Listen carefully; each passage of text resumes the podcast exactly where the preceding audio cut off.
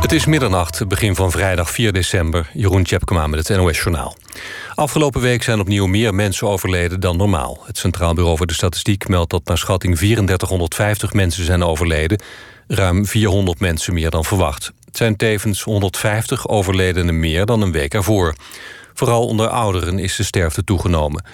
De oversterfte ligt al sinds eind september hoger dan normaal... met in totaal 4300 extra overlijdens. Tijdens de eerste golf was die oversterfte ruim twee keer zo hoog. Er kunnen dit jaar veel minder coronavaccins van farmaceut Pfizer worden geleverd dan eerder werd aangekondigd, meldt de Wall Street Journal. Door een tekort aan grondstoffen zouden slechts 50 miljoen doses van de geplande 100 miljoen doses worden geproduceerd. Voor volgend jaar staat de productie van een miljard doses van het vaccin gepland. Het vaccin van Pfizer, dat samen met het Duitse BioNTech wordt geproduceerd, kreeg gisteren goedkeuring voor gebruik in het Verenigd Koninkrijk. In de EU loopt het toelatingsproces nog. Het Europees Medicijnagentschap EMA verwacht dat uiterlijk 29 december afgerond te hebben. Het bestuur van Forum voor Democratie ontkent dat er problemen zijn met de ledenraadpleging over het aanblijven van Thierry Boudet als politiek leider. Wel zijn er hekpogingen ondernomen om het referendum te beïnvloeden, maar berichten dat de ledenraadpleging daadwerkelijk is gehackt zijn volgens het bestuur onjuist. En ook ontkent de partij dat de stemming niet anoniem is. PSV heeft in de Europa League uit met 1-0 gewonnen van Granada... en heeft zich daarmee als tweede in de pool geplaatst voor de volgende ronde. Feyenoord verloor in de Kuip met 2-0 van Dynamo Zagreb. De Rotterdammers moeten volgende week winnen bij Wolfsberger AC om door te gaan. AZ maakte ook nog goede kans op de volgende ronde. De club speelde in Alkmaar 1-1 gelijk tegen Napoli. Het weer vannacht is het bewolkt en regenachtig. Er staat een stevige wind en de temperatuur daalt naar een graad of 4. Morgenochtend is het bewolkt met vooral in het noorden wat regen. In de middag zon, aan zee kans op zware windstoten. Dit was het NOS Journaal. NPO Radio 1. VPRO. Nooit meer slapen.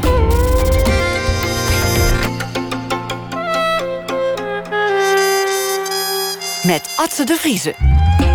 Goedendag en welkom bij Nooit meer slapen. Het is december, de meest paradoxale maand van het jaar. Is een maand van rennen, vliegen, laatste dingen afmaken op het werk. Snel nog even naar de koopgoot, van borrel naar borrel. Met als doel om uiteindelijk juist een paar dagen rust te creëren. Uh, met de familie vaak ook. Met elkaar aan tafel zitten, eindelijk elkaar weer eens spreken. Maar zeg eens eerlijk, hoe goed spreek je elkaar dan echt? Kom je tot de kern? Voor veel mensen zijn hun ouders, zoals psycholoog René Dijkstra, mijn gast van vanavond, het mooi noemt, intieme vreemden. En daarom, zo suggereerde hij in een column in het AD begin dit jaar, zou eigenlijk iedereen zijn ouders eens aan een diepte-interview moeten onderwerpen. Gewoon zoals wij hier vanavond samen gaan maken eens echt tot de kern komen. En hij kreeg er zoveel reacties op dat hij besloot om een handboek te maken voor het belangrijkste interview van je leven. René Dijkstra, u kent hem natuurlijk als een zeer populaire schrijver van columns en boeken over toch bijzonder serieuze onderwerpen als depressie en zelfdoding. En in dit nieuwe boek is eigenlijk in feite een hele logische aanvulling op dat oeuvre. Welkom René. Dankjewel. Leuk dat je er bent. Ja, 6000, 6000 zag ik ergens langskomen als uh, tussenstand van, uh, van reacties op die column. De teller is inmiddels doorgelopen. Waar, ja. waar staat die? Ik zou het niet weten. Het enige wat ik van mijn uitgever te horen heb gekregen... was ik wel een beetje trots op dat het boek er drie weken is... en het al ook drie herdrukken heeft. Juist. Dus... Er, is, er is enorm veel respons gekomen op eigenlijk een ja, alle, alledaagse column. Als in, je schrijft er heel veel. En dan is er ineens zo'n verhaal. En dat raakt ineens een snaar. Ja, dat heeft mij ook zelf zeer overvallen. Um, ik was op een bepaald ogenblik, een aantal jaren geleden, bezig met, op verzoek van een opleidingsinstituut voor psychologen, om een cursus levenslooppsychologie samen te stellen voor psychologen die zich verder willen bekwamen in uh, het, het, gebied van ontwikkeling, uh, uh, hoe heet het, therapie en dat soort zaken. En terwijl ik die cursus aan het ontwerpen was, levenslooppsychologie, bedacht ik op een bepaalde dag dat ik eigenlijk niet of nauwelijks iets wist van de levensloop van mijn eigen ouders, die inmiddels overleden waren. En dat vond ik vreemd. Als ik er goed over nadacht. Ik ga levenslooppsychologie doseren. En ik ken niet eens de levensloop van degene waaruit ik zelf ben voorgekomen. Dus dan heb ik op een gegeven moment verzonnen, en mijn studenten waren daar de eerste slachtoffers van, dat het van belang zou zijn dat zij in die cursus, als een van de opdrachten, hun ouders zouden interviewen over hun levensloop. Dat klinkt als een eenvoudige opdracht. En dat bleek het dus niet zo te zijn. Op de eerste plaats, nogal wat van mijn studenten reageerden in eerste instantie zo van: eh, moet dat echt? Ik Ja. zie daar tegenop. En willen ze dat wel? Ehm, terwijl ik ze toch eh, zeg maar echt vastgepind heb om dat als een verplichting voor die cursus te doen. En toen ze er eenmaal aan begonnen waren, toen ze eenmaal bijvoorbeeld eh, hun ouders hadden opgebeld en hadden uitgelegd wat de opdracht was en of ze het oké vonden door hen geïnterviewd te worden met behulp van een bepaald vragenschema, toen ontdekten ze dat nogal wat ouders dat niet alleen leuk vonden, maar het was het net alsof ze erop hadden zitten wachten dat ze eindelijk een keer door hun kind zouden worden uitgenodigd om iets meer over hun eigen leven te onthullen. Eh, dus ik heb toen die studenten gevraagd, nadat ze hun eigen levensloopverslagen van hun ouders hadden gemaakt, om die met elkaar uit te wisselen. En ook met mij. En de meesten waren er wel toe bereid. En toen bleek dat ze vaak dingen ontdekten, gehoord hadden van hun ouders, die echt belangrijk waren, maar waar ze geen idee van hadden. ooit. Wat voor, wat voor dingen gaat het dan om? Nou, bijvoorbeeld ehm, dat ze op een gegeven moment te horen kregen dat ze een oma hadden. Dat die oma overleden was.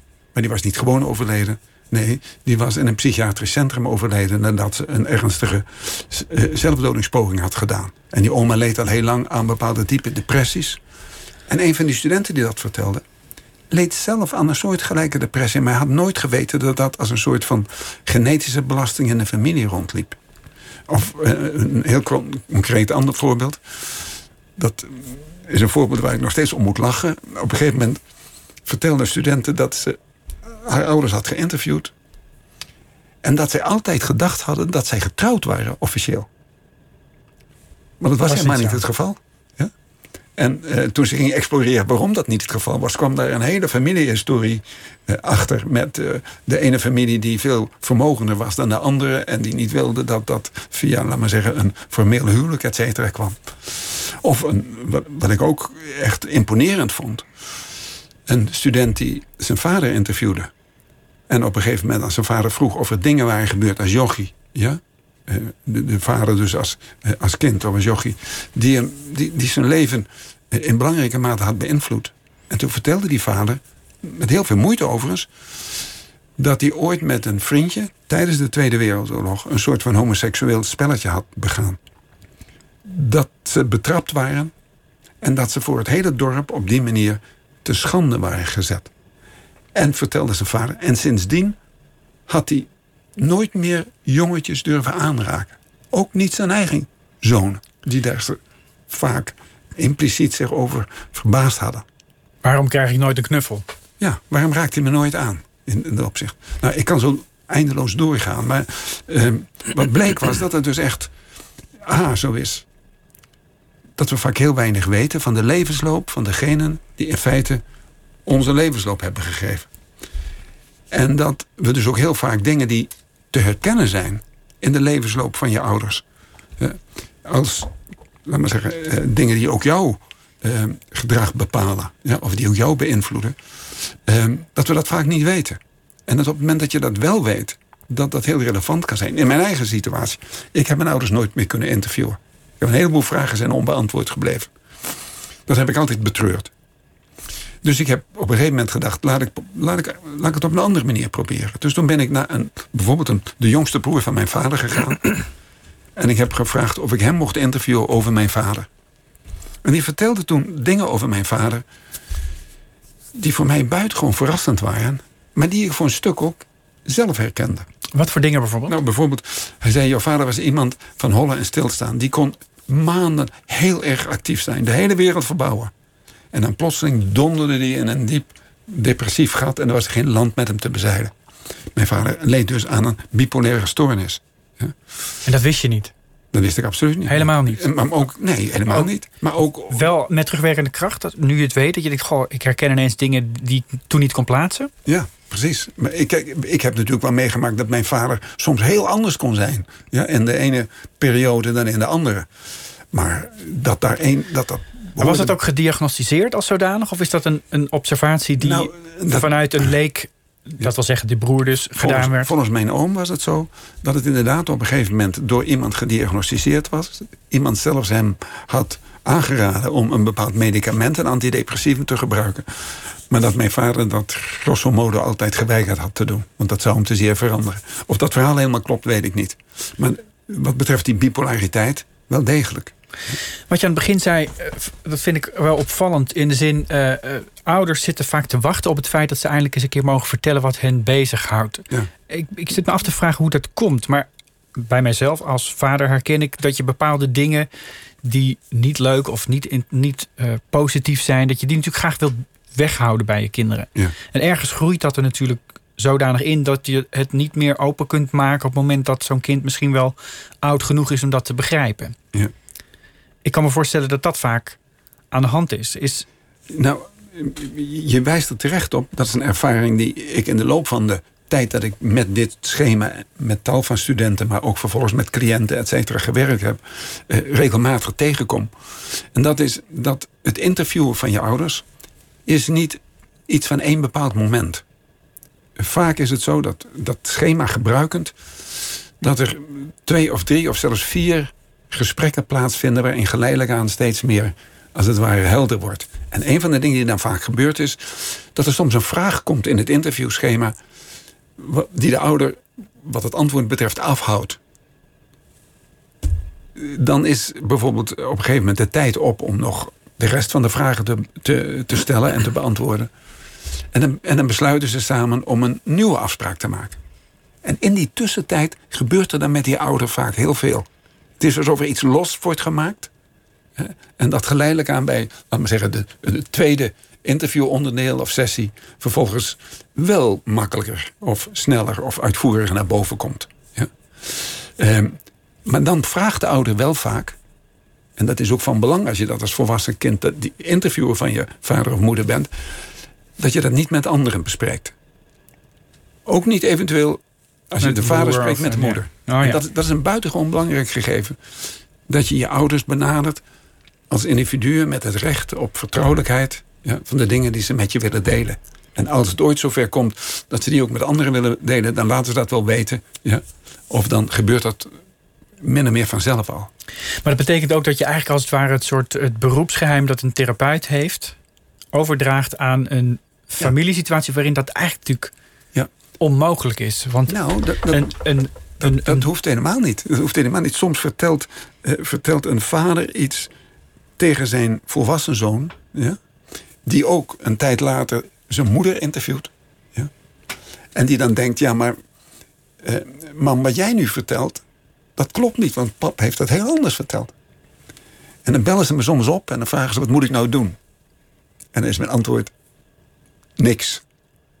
Helemaal niks. Of je moet toestemming vragen. Maar dan moet je terug, ja, naar bijvoorbeeld naar je vader die je als eerste geïnterviewd hebt, en zegt: ehm, Zou jij het oké vinden en niet, want mama heeft dat gezegd. Maar zou je het oké vinden dat ik haar vertel ja, wat jij mij op dit punt verteld hebt? En soms zegt de vader dan: nee, dat wil ik niet. Ja. Nou, dan laat je dat. Maar dat betekent in feite dat je dichter bij elkaar bent gekomen. Ja? Oh, juist omdat je respectvol en dus vertrouwelijk ja, met elkaar bent omgegaan. En inderdaad, je kunt zeggen dat is een soort van overname van beroepsverantwoordelijkheid. Maar ik zou zeggen, dat is een soort van intermenselijke verantwoordelijkheid. Wat iemand aan jou toevertrouwt in een vertrouwelijk gesprek. In hoeverre wordt hier in de praktijk bij mensen die met problemen terechtkomen, uh, wordt dit als optie aangeboden aan mensen die in therapie gaan? Want het lijkt me eigenlijk vrij logisch dat dingen die in het verleden gebeurd zijn, en ook in het verleden van ja, verdere bloedlijn als het ware, dat die impact hebben op het gedrag en de problemen van mensen. Exact, exact. Ik hoop zeer dat dit soort schema's onderdeel worden ja, van inderdaad het gebruikelijke psychologische hulpverlening. Maar dat is niet zo nog. Maar dat is op dit moment niet zo. Het is sterker nog, daar maak ik me wel eens echt inderdaad zowel druk als ongerust over. Te vaak wordt nog door psychologen, psychotherapeuten en andere hulpverleners uitsluitend ad hoc vragen gesteld over de levensloop. En niet als, als het ware de levensloop zelf ontvouwt om te kijken, om te onderzoeken. Er wordt wat geprikt eigenlijk. Precies, ja. Er wordt hier en daar wat geprikt. En niet zelden niet echt systematisch. En zeker niet volledig. En dat is jammer. Ja, en dat is ook eigenlijk jezelf in, laat me zeggen, je, je hulpverleningsrepertoire ten opzichte van een medemens die komt met bepaalde problemen, jezelf hinderen. Jezelf niet uh, die, die, mogelijkheden laten hanteren die daarvoor juist heel gunstig zouden kunnen zijn. Oké, okay, het begint dus met een column. En dat column is eigenlijk meer een, een idee. Het is een, een gedachte die, zoals dat gaat in een column. Ja. Je schrijft het op en het is uh, ja. een, paar dagen, een paar minuten lezen, ben je ermee klaar. Ja. En dan komt de vraag: hoe ga ik dat dan doen? Die vraag komt massaal binnen en dat leidt tot een boekje. En dat boekje is eigenlijk een systematische opzet van hoe dat zou moeten. En wat mij opvalt daaraan is dat je zegt: je moet het ook eigenlijk echt allemaal doen. Je moet niet uh, bijvoorbeeld de dingen overslaan waarvan je denkt dat weet ik al. Ja, want uh, dat, dat, is een heel belangrijk punt wat je daar aanstipt.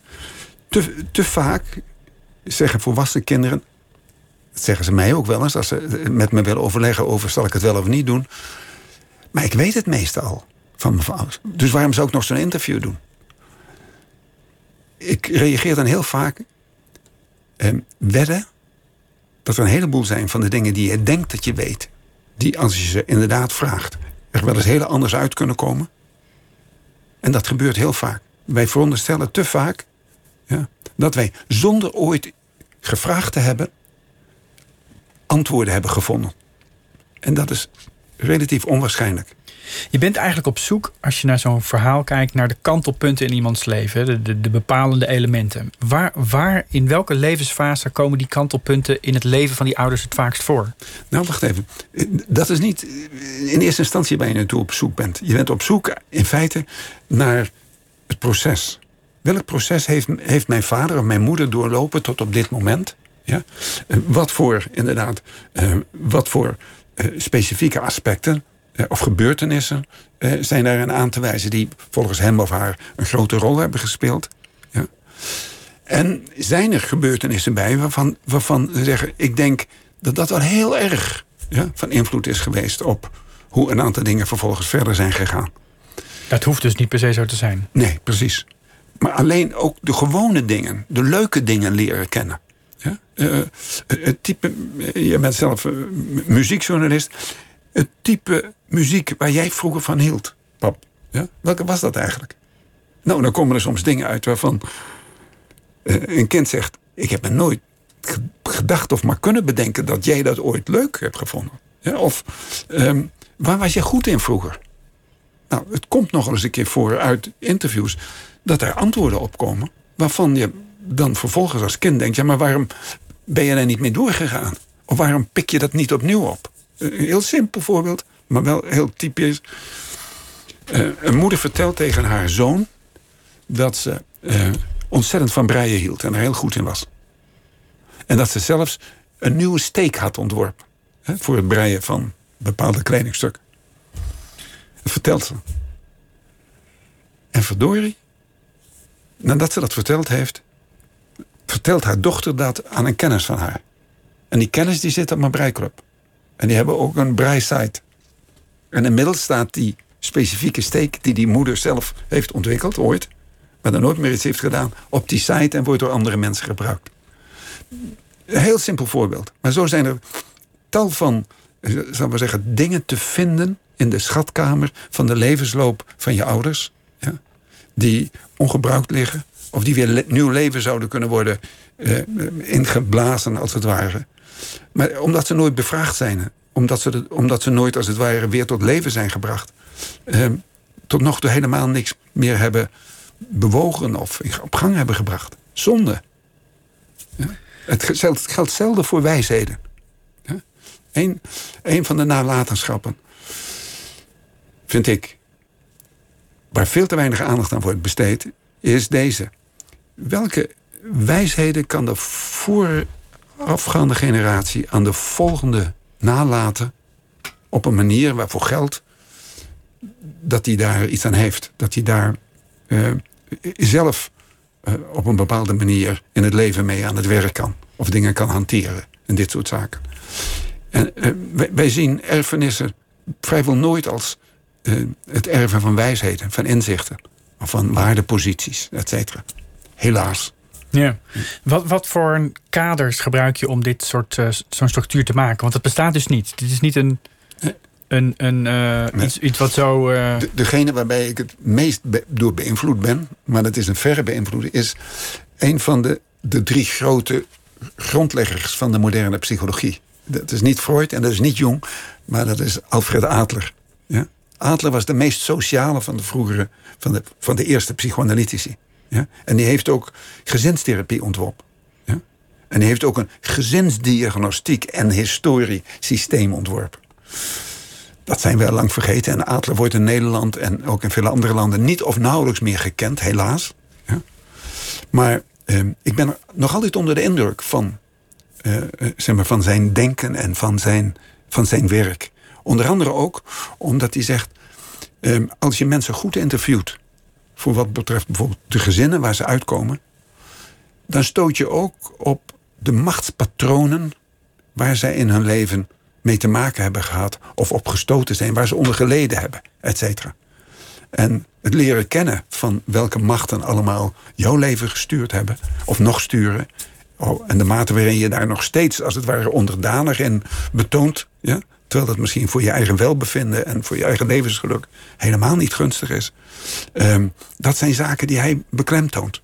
Ja? En af en toe denk ik, ik ben op weg om een soort van Alberiaan te worden op dat punt. Er zijn uh, bibliotheken volgeschreven met romans die natuurlijk aan deze thematiek raken. Vaak ook van ouders die overleden zijn. En het heeft, deze problematiek heeft natuurlijk te maken met een soort voltooiing van het leven. Eigenlijk zowel van de ouder als van de, uh, de, het kind als het ware.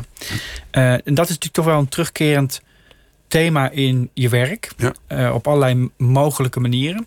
En het hoeft natuurlijk niet per se het zo te zijn dat je dit gesprek voert als je ouders 80 zijn. Maar veel mensen zullen die neiging wel hebben. Op het moment dat ze gaan beseffen dat het bijna voorbij is, dat het leven uh, eindig gaat zijn, dan moet het gebeuren. Of ze, of ze zijn al te laat.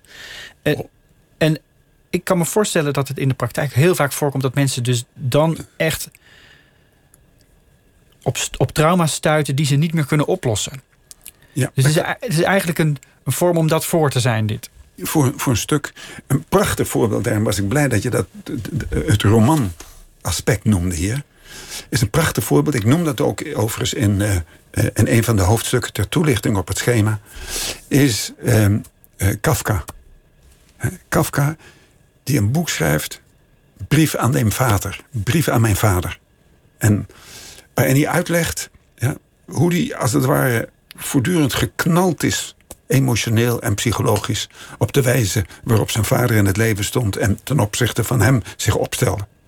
En hij gaat eruit voeren en, en aan het einde zegt hij: Luister, wij zullen dit samen nooit oplossen. Dit, dit, dat is onmogelijk. We bereiken elkaar niet meer hierover. Maar voor mij, Frans, is het ontzettend van belang dat ik het een keer heb kunnen zeggen. Dat ik het een keer heb kunnen opschrijven. Dat het op een, een of andere manier uh, nu concrete uitdrukking heeft gekregen. En, en dat is heel vaak zo. Bovendien, veel uh, mensen die het schema opvragen of op hebben gevraagd bij mij, die komen precies van die, van die andere kant. Die zeggen: Ik wil graag dat schema hebben. Ik ben nog helemaal niet zo oud. Ik ben 55, 60 of dat soort dingen. Maar ik wil graag dat schema hebben. Omdat ik daarmee mijn kinderen wil vragen om mij te interviewen. Ja, ja. Ik, wil mijn, ik wil graag beter gekend worden door mijn kinderen. En het opmerkelijk is dat op het moment dat ze dat durven uitspreken en bijvoorbeeld het schema, als het ware in de richting van hun kinderen schuiven en die doelstelling benoemen, is het vaak zo dat ze, eh, dat ze terug horen krijgen: Ja, ik wil jou eigenlijk ook wel beter leren kennen. En als twee mensen die notabene dezelfde genetische uitrusting voor een stuk hebben, het besluit hebben genomen dat ze elkaar beter willen leren kennen, dan zijn ze ook de weg van herkenning ingeslagen de dingen die overeenkomen en de dingen die verschillen. Maar dat betekent ook vaak dat hun relatie intiemer, closer, ja, beter is geworden. Daar pleit ik er ook voor. Je ouders leren kennen, ja, is ze beter begrijpen, is ze vaak ook meer waarderen. Je hebt het zelf dus niet gedaan, dit. Dit, dit besef is te laat gekomen. Ja. En dan, God, ja, dan zijn er wel andere manieren om toch iets te weten te komen. Uh, dat, dat kan. Op welke vraag heb je geen antwoord kunnen krijgen? Nou, op een reeks van vragen. Bijvoorbeeld, eh, ik ben op een gegeven moment door met name eh, op aandrang van mijn moeder naar een seminarie gestuurd. zij wilde graag een priester hebben, in, eh, zoals veel katholieke gezinnen. Wij waren een, je zou kunnen zeggen, een heel streng katholiek gezin in een katholieke enclave in Sneek in Friesland. Mijn moeder wilde graag dat een van haar zonen priester zou worden. Een Bij- van de elf. Ja, Ja. bij de voorafgaande twee was het mislukt. Eh, Toen was ik aan de beurt. Ik was de achtste in de rij. Dus ik werd zomaar van mijn bed gelicht. Zo ging dat echt. Ik Van de een op de andere dag. van de een op de andere dag. Ik mocht de laatste klas van de eh, basisschool niet meer doen. Lagere school niet meer doen. Maar ik werd zo op het seminarie gezet. Waar was dat? In, eh, nou, ik woon, wij wonen in Sneek. En dat was beneden uh, Sertogenbos, sint oederhof In het, in, het, behoorlijk in, het, in het echte katholieke eh, Precies. Gebied. is echt, Ja. een, echt, ver weg, ja. Ja. Dan, ben, dan ben je dus 10, 11 jaar. Ik was 11 jaar. En toen ben ik echt van huis weggegaan. Ik vond het vreselijk. Ik heb het er 3,5 jaar uitgehouden. Ik heb 3,5 jaar eh, heimwee gehad. Iedere keer als ik na een vakantie thuis weer terug moest... dan de nacht daarvoor, voordat ik wegging...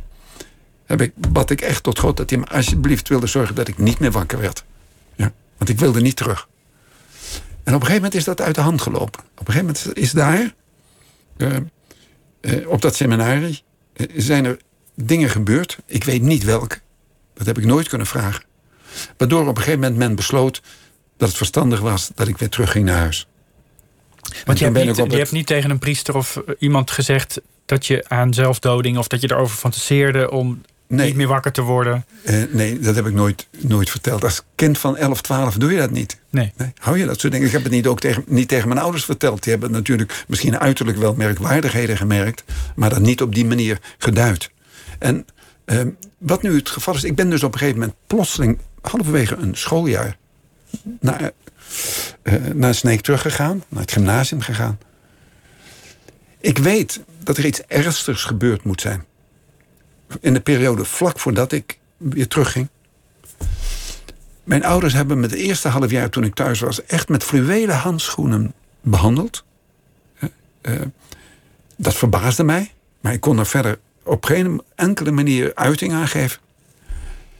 En later heb ik toch zo verlangd om te kunnen weten... wat is er nou precies gebeurd... waardoor ik daar gederailleerd ben. En ze, ze me zelfs naar, op een gegeven moment... naar de kinderpsychiatrie in Eindhoven hebben gebracht om...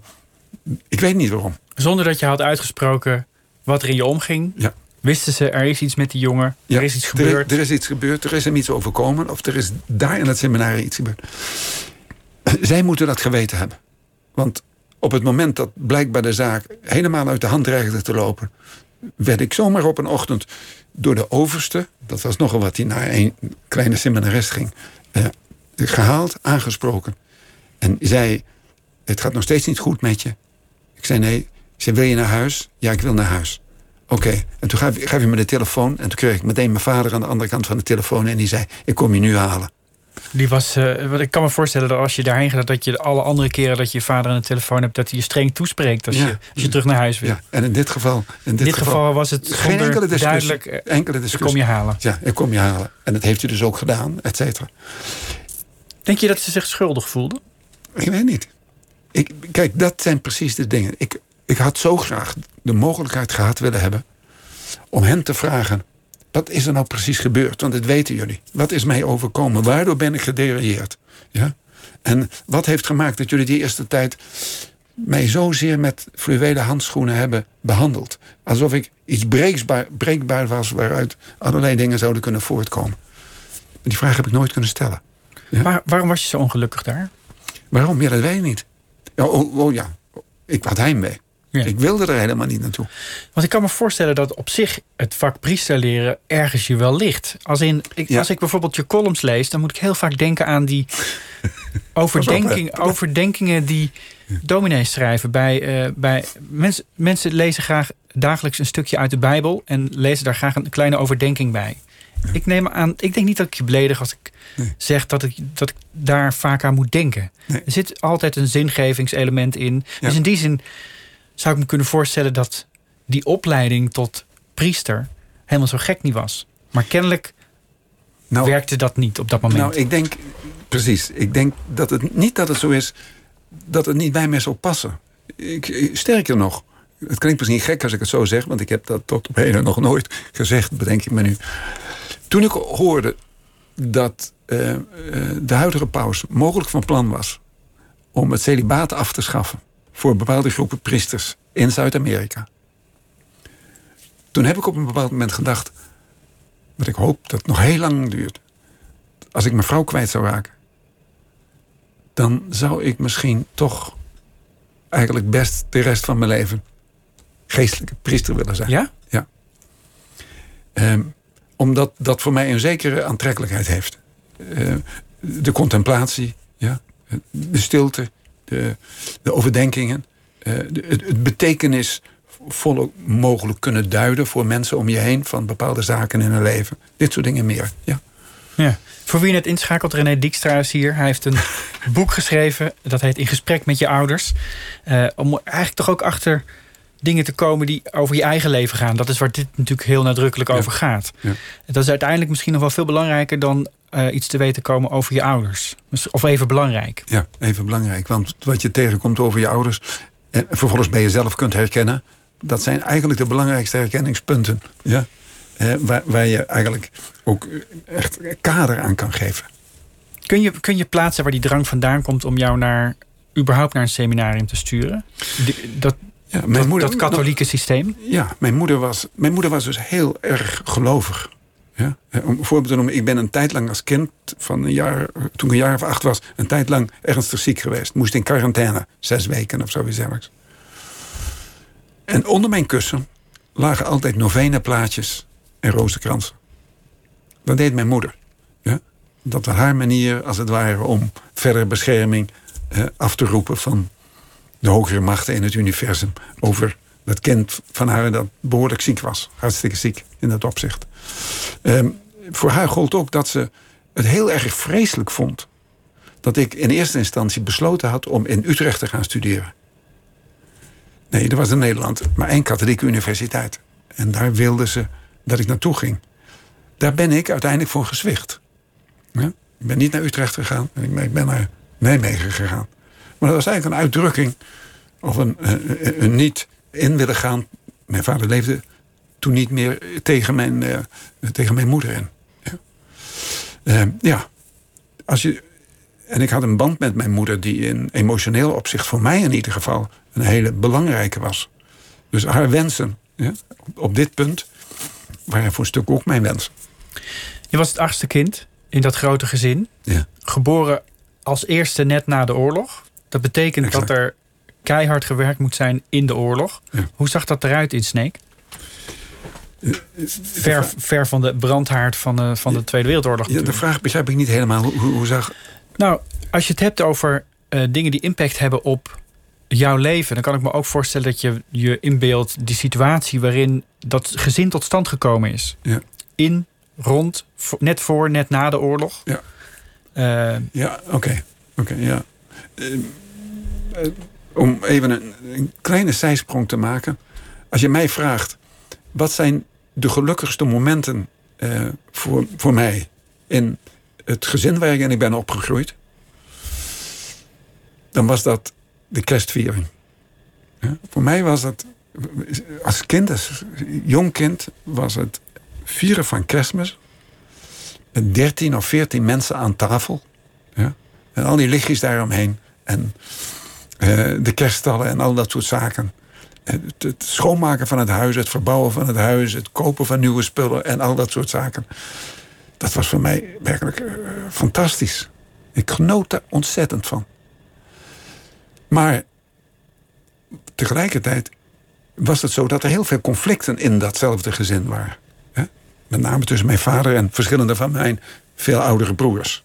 Mijn oudste broer is was elf jaar ouder dan ik ben. Dus je kunt nagaan, die hadden dan relaties of deden hun eigen dingen, et. Maar voor kerstmis, voor kerstmis, ten behoeve van kerstmis, moesten al die problemen tijdelijk weg worden geschoven. En daar werd door het gezin zelf, door mijn vader, door mijn moeder, maar ook door mijn broers, et cetera, aan gewerkt. Zodanig dat uiteindelijk toch iedereen er was. Ja? En dat het tenminste één dag vrede was. Ik heb heel vaak gedacht, ik wil als kleinkind, ik wil dat het altijd kerstmis is. En ik vond het vreselijk als de tweede of de derde kerstdag aanbrak. Want dan braken ook weer de conflicten uit. Ja? dan was het ook zo dat spanningen terugkwamen. Ja. En voor mij, als seminarist, dat ik spoedig weer terug moest naar dat, naar dat, dat seminarie. Dus het, laat maar zeggen, de, uh, de dingen die speelden in, in, in dat gezin, uh, zo'n groot gezin, en die het ook, denk ik, heel moeilijk maakten om aan ieder van je kinderen voldoende aandacht te besteden. Of de conflicten die je met kinderen kunt hebben, ook, ook voldoende uit te werken. Ja, die hebben een groot stempel gedrukt op mijn leven, op het leven van degene die net na mij kwam, mijn enige zus. Mijn, mijn, mijn lievelingszus, mijn enige zus, waar ik heel close mee was in dat opzicht. Maar die ik helaas twee jaar geleden heb verloren. Dat is met een vreselijk kankereinde, et cetera. Maar met wie ik ook uh, hele soortgelijke dingen heb gedaan. Ik, ging psychologie studeren. En wat deed mijn zus? Die ging psychologie studeren aan dezelfde universiteit. Ja. Ik deed klinische psychologie en mijn zus ging ook klinische psychologie doen. Ik runde op een gegeven moment een psychotherapeutisch centrum en mijn zus ging daar stage lopen. Um, ik begeleidde op een gegeven moment als wetenschappelijk medewerker scripties. En mijn zus schreef bij mij een scriptie, et cetera. Dat waren hele nauwe relaties met elkaar. Ja? En eh, die vonden plaats en die waren mogelijk... terwijl tegelijkertijd, in het gezin daaromheen... Eh, dat helemaal niet op prijs werd gesteld. Mijn vader stelde het niet op prijs... dat ik een hele close relatie met mijn zus had. Waarom niet? Ja, eh, hij vond blijkbaar dat hij de first hè, van, de, van de mensen waar je. Maar dat kan toch ook bijna niet als je elf kinderen hebt? Nee, dat kan ook niet. Want dat lijkt me, ja, ik kom zelf niet uit zo'n groot gezin. Dat was natuurlijk in die tijd veel normaler dan nu. Ja. Um, ik, ik kan me voorstellen dat je überhaupt moet vechten om gezien te worden, om begrepen te worden. Klopt. Um, ja. Je zegt, ik heb um, uh, altijd, uh, ik, ik heb die, die universiteit gekozen die mijn moeder graag wilde ik wilde eigenlijk ergens anders heen. Dus in die zin doe je toch iets om haar uh, naar, naar de zin te maken. Ja. Vind je, heb je het altijd belangrijk gevonden dat je ouders of je moeder later, toen je vader afleden was, zag wat je deed, uh, uh, um, er, erkenning had voor je ja. vak bijvoorbeeld? Ja, dat, dat gold voor mijn moeder, ja. Toen ik promoveerde ja, op proefschrift over zelfdoding was mijn moeder buitengewoon trots. Ja. En dat vond ik buitengewoon plezierig. in dat opzicht. Want ik was dan wel geen priester geworden. Ja. Maar dit leek er een beetje op. Als je begrijpt wat ik bedoel. En ja, dat heeft ze in latere jaren ook gedaan. En voor mij was ze wat dat betreft een hele belangrijke, uh, hele belangrijke emotionele binding, emotionele band. En daarom was haar dood, haar plotselinge dood op een verschrikkelijke manier, ook voor mij een, een klap waar ik tijdenlang over heb gedaan om die te boven te komen. Ja. Ook al, waar, omdat, waar we het zo straks over hadden, omdat daardoor het vragen van dingen die ik met alles wat ik nu weet, haar had willen stellen. Want wanneer is dat geweest? Oh, maar, was in 1966. Nee, 66. Nee, wanneer ben ik gaan studeren? Nee. Nee, dat ze overleed bedoel ik. Ja, dat zit ik net af te horen wanneer, wanneer dat was. Want zij is toen al overleden? Nee, mijn, nou precies. Mijn moeder is. Mijn ik was 26 toen mijn moeder overleed. Dus dat moet geweest zijn zo rond uh, twee, uh, 1907. Nee, nee, later. 1976. Dan weet ik het weer. Ja, dus eigenlijk al heel erg lang geleden. Ja. En uh, ze overleed doordat ze. Hoe, hoe, hoe, dramatisch kun je dat voorstellen? Dat ze op een gegeven moment op bezoek was bij mijn zus en haar partner. Die woonden op een bovenhuis en die waren hun bovenhuis aan het verbouwen. En op een dag was de aannemer bezig om de trap naar beneden te vervangen.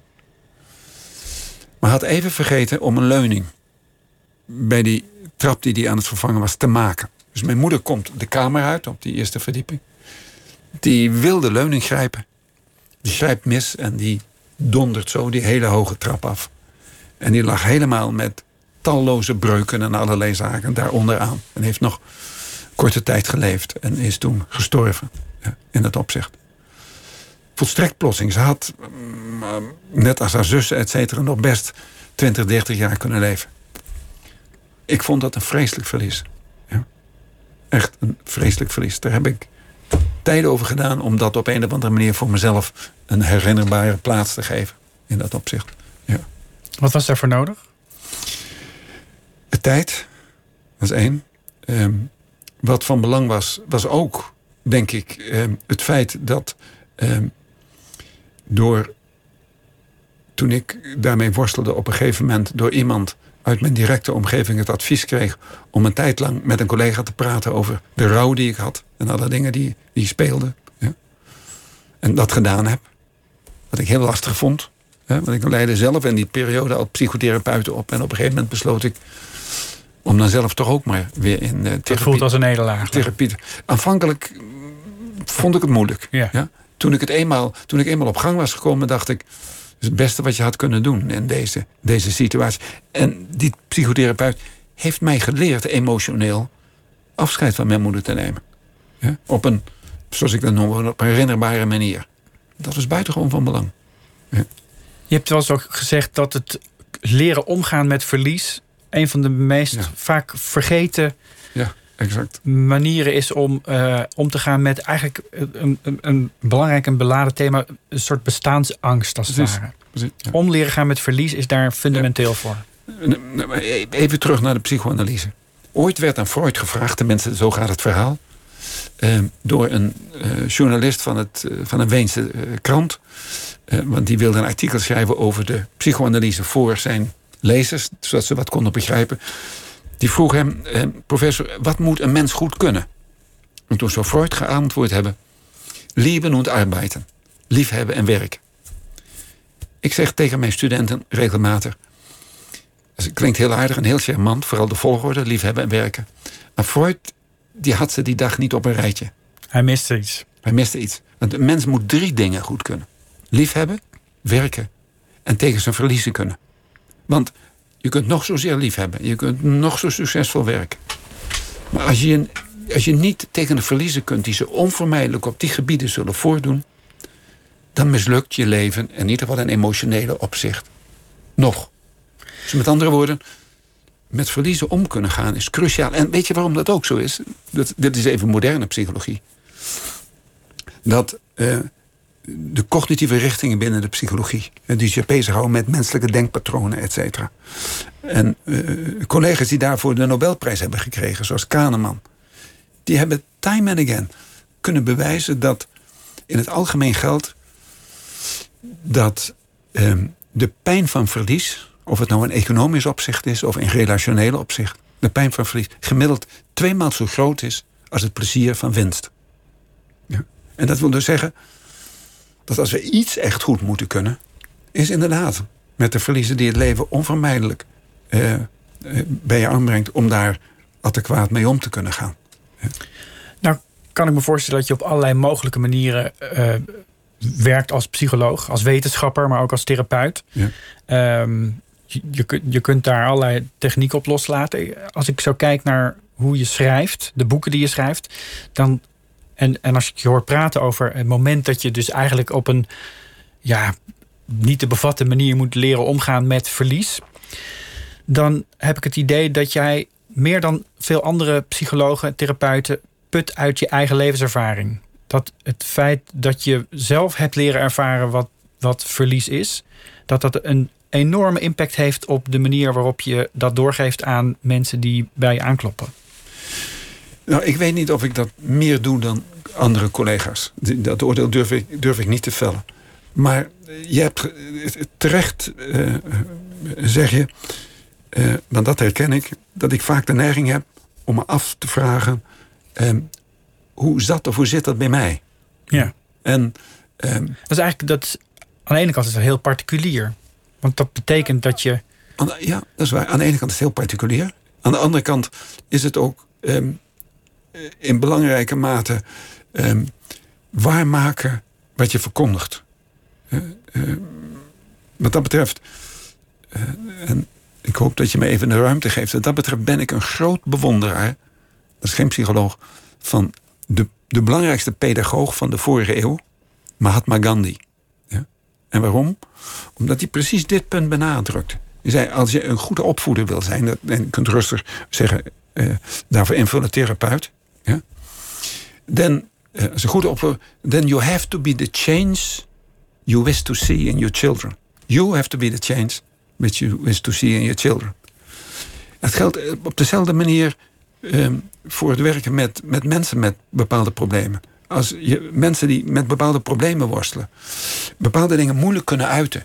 Ja? Of um, bang zijn om hun controle te verliezen, et cetera. Ja?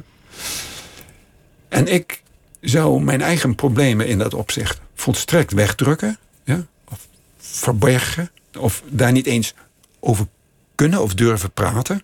Ja? Omdat ik vind dat ik mijn status als therapeut aan verlies. Dan zit ik naar mijn oordeel echt onecht te wezen. Ben ik een slecht voorbeeld. Ja? Dus inderdaad, ik, ik, als ik een column inlever, is bijna altijd zo. Zelfs vandaag, de column, de column die ik vandaag inlever, vlak voordat ik hier naartoe ging. Dan moet voor mij altijd gelden dat er, dat er iets is dat in mij mij aanraakt. Ja, voordat ik het wegstuur naar de, naar de redactie. Als dat niet zo is, dan lukt het niet. Er moet iets. Er moet iets persoonlijks in zitten. Ja. ja. En het schuift natuurlijk ook weer een generatie verder. Hè? Want we hebben natuurlijk veel over uh, uh, een interview met je, met je ouders. Nou, in jouw geval kan dat natuurlijk niet meer. Je zegt terecht, uh, veel mensen denken ook van... ik wil graag door mijn kinderen geïnterviewd worden. Ja. je geeft ook dingen door er is natuurlijk nog een belangrijke fase in je leven geweest waarin, uh, waarin je het heel uh, moeilijk had en die een, heel tekenend is geworden voor je leven. Je ja. kwam op een gegeven moment in opspraak professioneel gezien. Ja. Omdat er problemen waren met bronvermelding. Dat, dat, werd op een gegeven moment heel heet opgediend en later werd die soep wat minder heet gegeten. Maar dat, het leed was eigenlijk al aangericht. Veel mensen kennen je daar eigenlijk ook nog steeds van. Wat ik daar zo interessant aan vind is dat ik een interview las met een van je zoons van afgelopen zomer jouw zoon Sebas, die is advocaat. Ja. Staat slachtoffers bij in allerlei zaken. En die benoemde die fase in zijn leven, toen hij als 16-jarige thuis was. En dus ook die fase in jouw leven als het fundamentele punt in zijn carrière. Ja, zijn keuze van carrière. Ja. als slachtoffer, advocaat. Ja, dat is waar. Was je daar bewust van? Uh, ik denk dat ik intuïtief in ieder geval me daar, helemaal, daar echt van bewust van was. Maar eh, ik denk dat eh, pas toen hij het zo uitsprak. Ja, ik Eigenlijk deze zomer dus pas. Nou, iets eerder, al. Iets eerder al hoor. Iets eerder. Want uh, casussen waar hij mee werkte, ook al een paar, ook al gedurende de afgelopen jaren, daar spraken we vaak over. Ja, en dan merkte ik zijn betrokkenheid ja, op uh, wat hij dan noemde uh, de onrechtvaardig behandelde slachtoffers en dat, dat soort zaken. Ja, dat is hoe hij jou ook zag, hè? als een onrechtvaardig ja. beschadigd persoon ja. die, uh, die eigenlijk beter beschermd had moeten worden. Nou, maar ook, um, hij vond, en vindt hij nog overigens, um, dat ik veel te weinig in opstand ben gekomen. Ja? Dat ik, verdorie, waarom heb je niet teruggevochten? Waarom heb je niet... Uh, op een gegeven moment inderdaad, ehm, als een soort, zoals ze tegen jou tekeer gingen, heb je dat niet teruggedaan. Waarom heb je dat eigenlijk niet gedaan? Ja, dat is een goede vraag. Ik denk dat het in belangrijke mate zo is dat ik op een gegeven moment ehm, gedacht heb: ja, maar als ze al dit soort dingen roepen tegen me, als ze al dit soort dingen voortdurend over me heen gooien, dan moet ik het ook verkeerd gedaan hebben.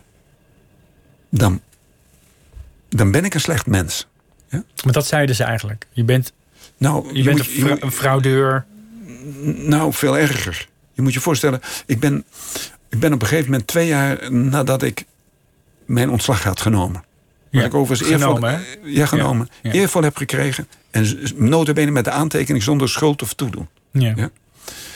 Twee jaar daarna werd ik uitgenodigd op een, om, op een congres over uh, uh, hoe heet het, uh, weerbaarheid tegen de media wat Paul Witteman voorstelt... om als enige individu een verhaal te komen houden. Over wat het betekent als je... Want al de verhalen werden door mensen van bedrijven uh, gepresenteerd. Maar wat het betekent als je als individu zo in de storm komt te staan. Ik heb geen verhaal gehouden. Het enige wat ik gedaan heb is... ik heb alle scheldwoorden, diagnoses, afwaarderingen... die in allerlei media hebben gestaan, opgesomd en laten zien. Vele tientallen. En tot mijn stomme verbazing zei Witteman, nadat ik dat gedaan had, zich wende tot de zaal. Eh, ik denk niet dat wij ons echt gerealiseerd hebben wat we eigenlijk aan het doen zijn ten opzichte van zo'n ja, van zo'n persoon in dat opzicht. Ja. En het was eigenlijk wat je tegenwoordig een flame war zou noemen. Hè? Wat, in de in social media tijdperk gebeurt dit natuurlijk. Dit, dit was 1996, bijna 25 jaar geleden. Maar, maar toen, toen bood hij namens de verzamelde hoofdredacteur en weet ik het aan mij excuses aan. Want hij had het gevoel dat hij zich daar ook schuldig aan nou, had gemaakt. Hij, hij vond, dat, hij vond dat, hij vond dat beeld overzien. Blijkbaar dat dit, dit, inderdaad wel, wel heel erg was. Maar kennelijk was daar twee jaar tijd voor nodig. Want er is een periode geweest dat je weer kampte met suïcidale gedachten. Dat je zoon bang was dat als je een wandelingetje zou gaan maken... dat je niet terug zou komen, dat je gekke dingen zou uithalen. Dat zeiden ze ook Ja. tegen je. Ja. Het heeft tijd gekost om kennelijk erachter te komen...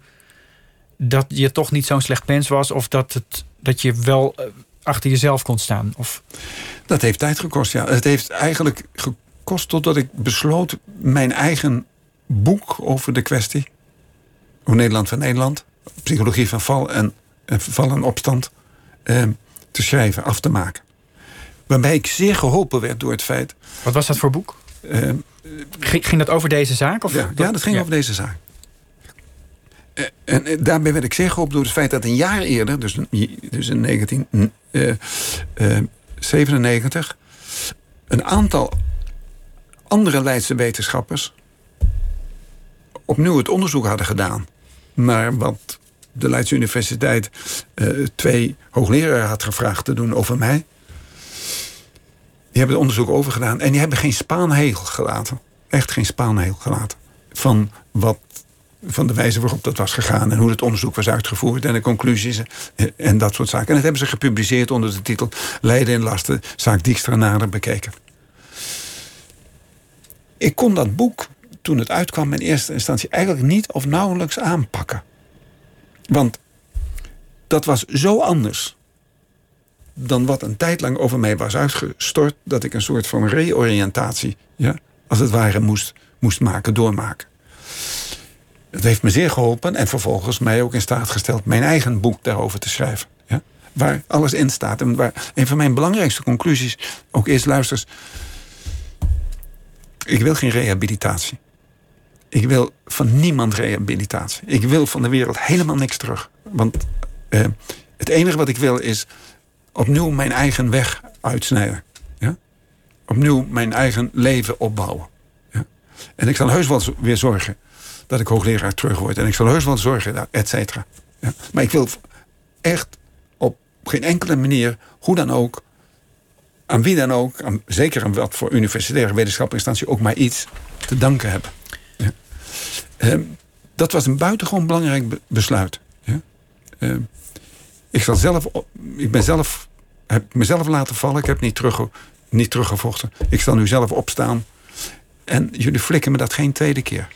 Zou je er met je moeder over gesproken hebben als ze nog geleefd had? Eh, ja, dat zou ik mogen. Ik weet, niet, eh, ik weet niet of zij het aan had gekund. Ik heb, ben blij dat zij dat niet heeft moeten meemaken. Moet ik eerlijk maar zeggen. Maar als ik, eh, als ik doorga naar mijn zus bijvoorbeeld. Mijn zus was ontzettend van belang en steunend in die periode. Net zoals mijn zwager haar man voor mij was. Die wilde er absoluut niet aan. En die probeerde mij voortdurend als het ware ertoe aan te zetten. Dus ze was een vak, vakzuster. Dus Precies. ze kon het weten in die toe zin. aan, maar- toe aan te zetten. Maar eh, ik was in die tijd zodanig uitgehold, zou je kunnen zeggen. Ook qua zelfbeeld en zelfwaardering. Dat ik eh, echt eh, hol was. En betekent dat ook dat er een gat valt richting je gezin? Want eh, Nee. je leest nu bijvoorbeeld eh, dat interview en die gesprekken die je zelf al hebt gehad. Daar zie je duidelijk in dat het een effect heeft gehad op in elk geval die zoon die op dat moment nog in huis woonde. Ja. Eh, eh, dat, dat heeft betekenis. Ik kan me voorstellen dat je daar op dat moment helemaal geen oog voor hebt wat dat voor betekenis heeft. Op het moment dat je zelf zo eh, in, de, in de put terechtgekomen bent, wat, wat dat doet met de mensen die dichtbij je staan. Ja, dat, dat, dat is voor een stuk denk ik waar. Ik weet niet of ik altijd genoeg gezien heb wat het hen deed. Wat, wat wel zo is, is dat ik eh, mede daardoor, mede door zeg maar, de ellende waar we heen, heen zijn gegaan... een buitengewoon intensieve en close relatie met alle drie heb. Ja? We spreken elkaar ettelijke keren in de week. Ze komen altijd voorbij. Ze vragen me honderden keren advies, sturen me stukken toe. Dit soort zaken. Eh, nou, noem maar op. Dus op een of andere manier heeft eh, dat ertoe gezorgd, voor gezorgd dat de banden, als het ware, eh, sterk of heel close zijn geworden. Mijn vrouw heeft daar overigens ook een buitengewoon belangrijke rol in gespeeld. Om, concreet, om dat concreet te maken, en dat vind ik ook heel fantastisch van haar ik erop terugbreng. Op een gegeven moment kwam ik op het punt dat ik dacht... toen werd ik dus echt woedend. Ontslag nemen, ben je nou helemaal besodemieterd? En toen heeft mijn vrouw op een gegeven moment aan mij gevraagd... om dat toch te doen. En twee van mijn kinderen, de jongste was toen nog niet... wat dat betreft zo ver genoeg, vroegen dat ook. En waarom vroegen ze dat?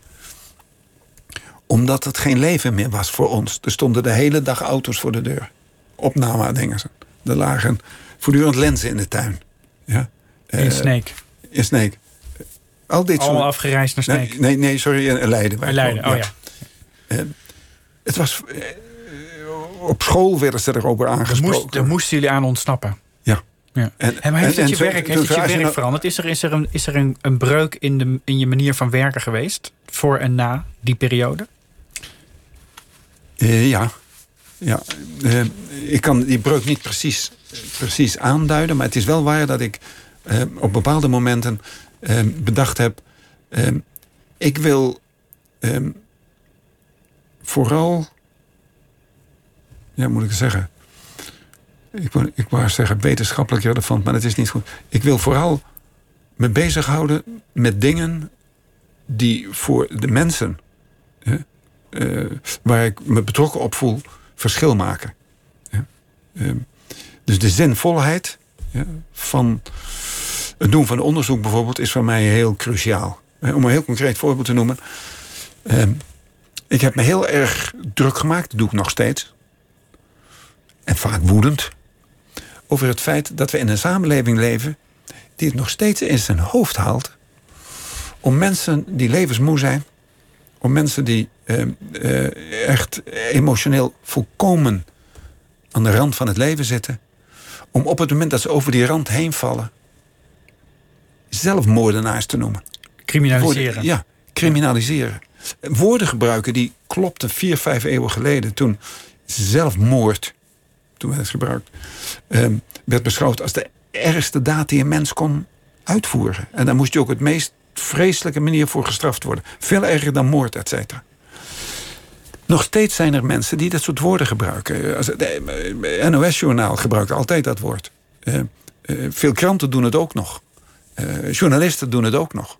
En En dat zijn, dat zijn eigenlijk kleine, kleine, grote strijden... Voor waar mensen daadwerkelijk in de praktijk wat aan hebben. Dat, dat is de focus geworden precies, van je werk precies na die tijd. er zijn heel veel mensen die iemand verloren hebben door zelfdoding. Die ontzettend lijden als ze weer het woord zelfmoord onder ogen krijgen. Ja?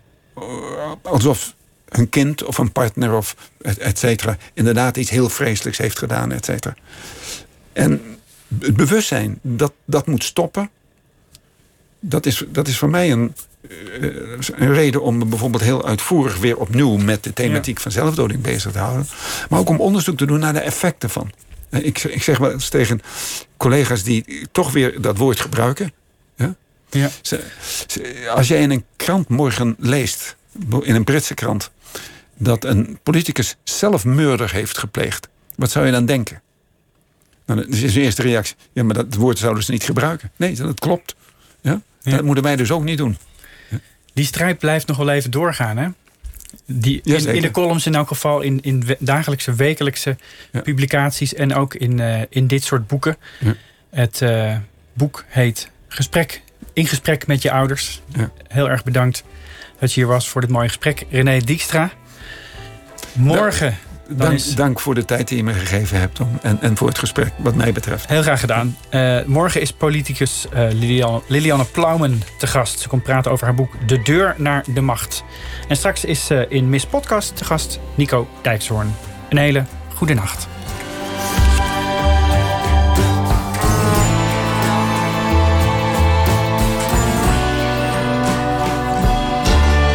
Radio 1. Het nieuws van alle kanten.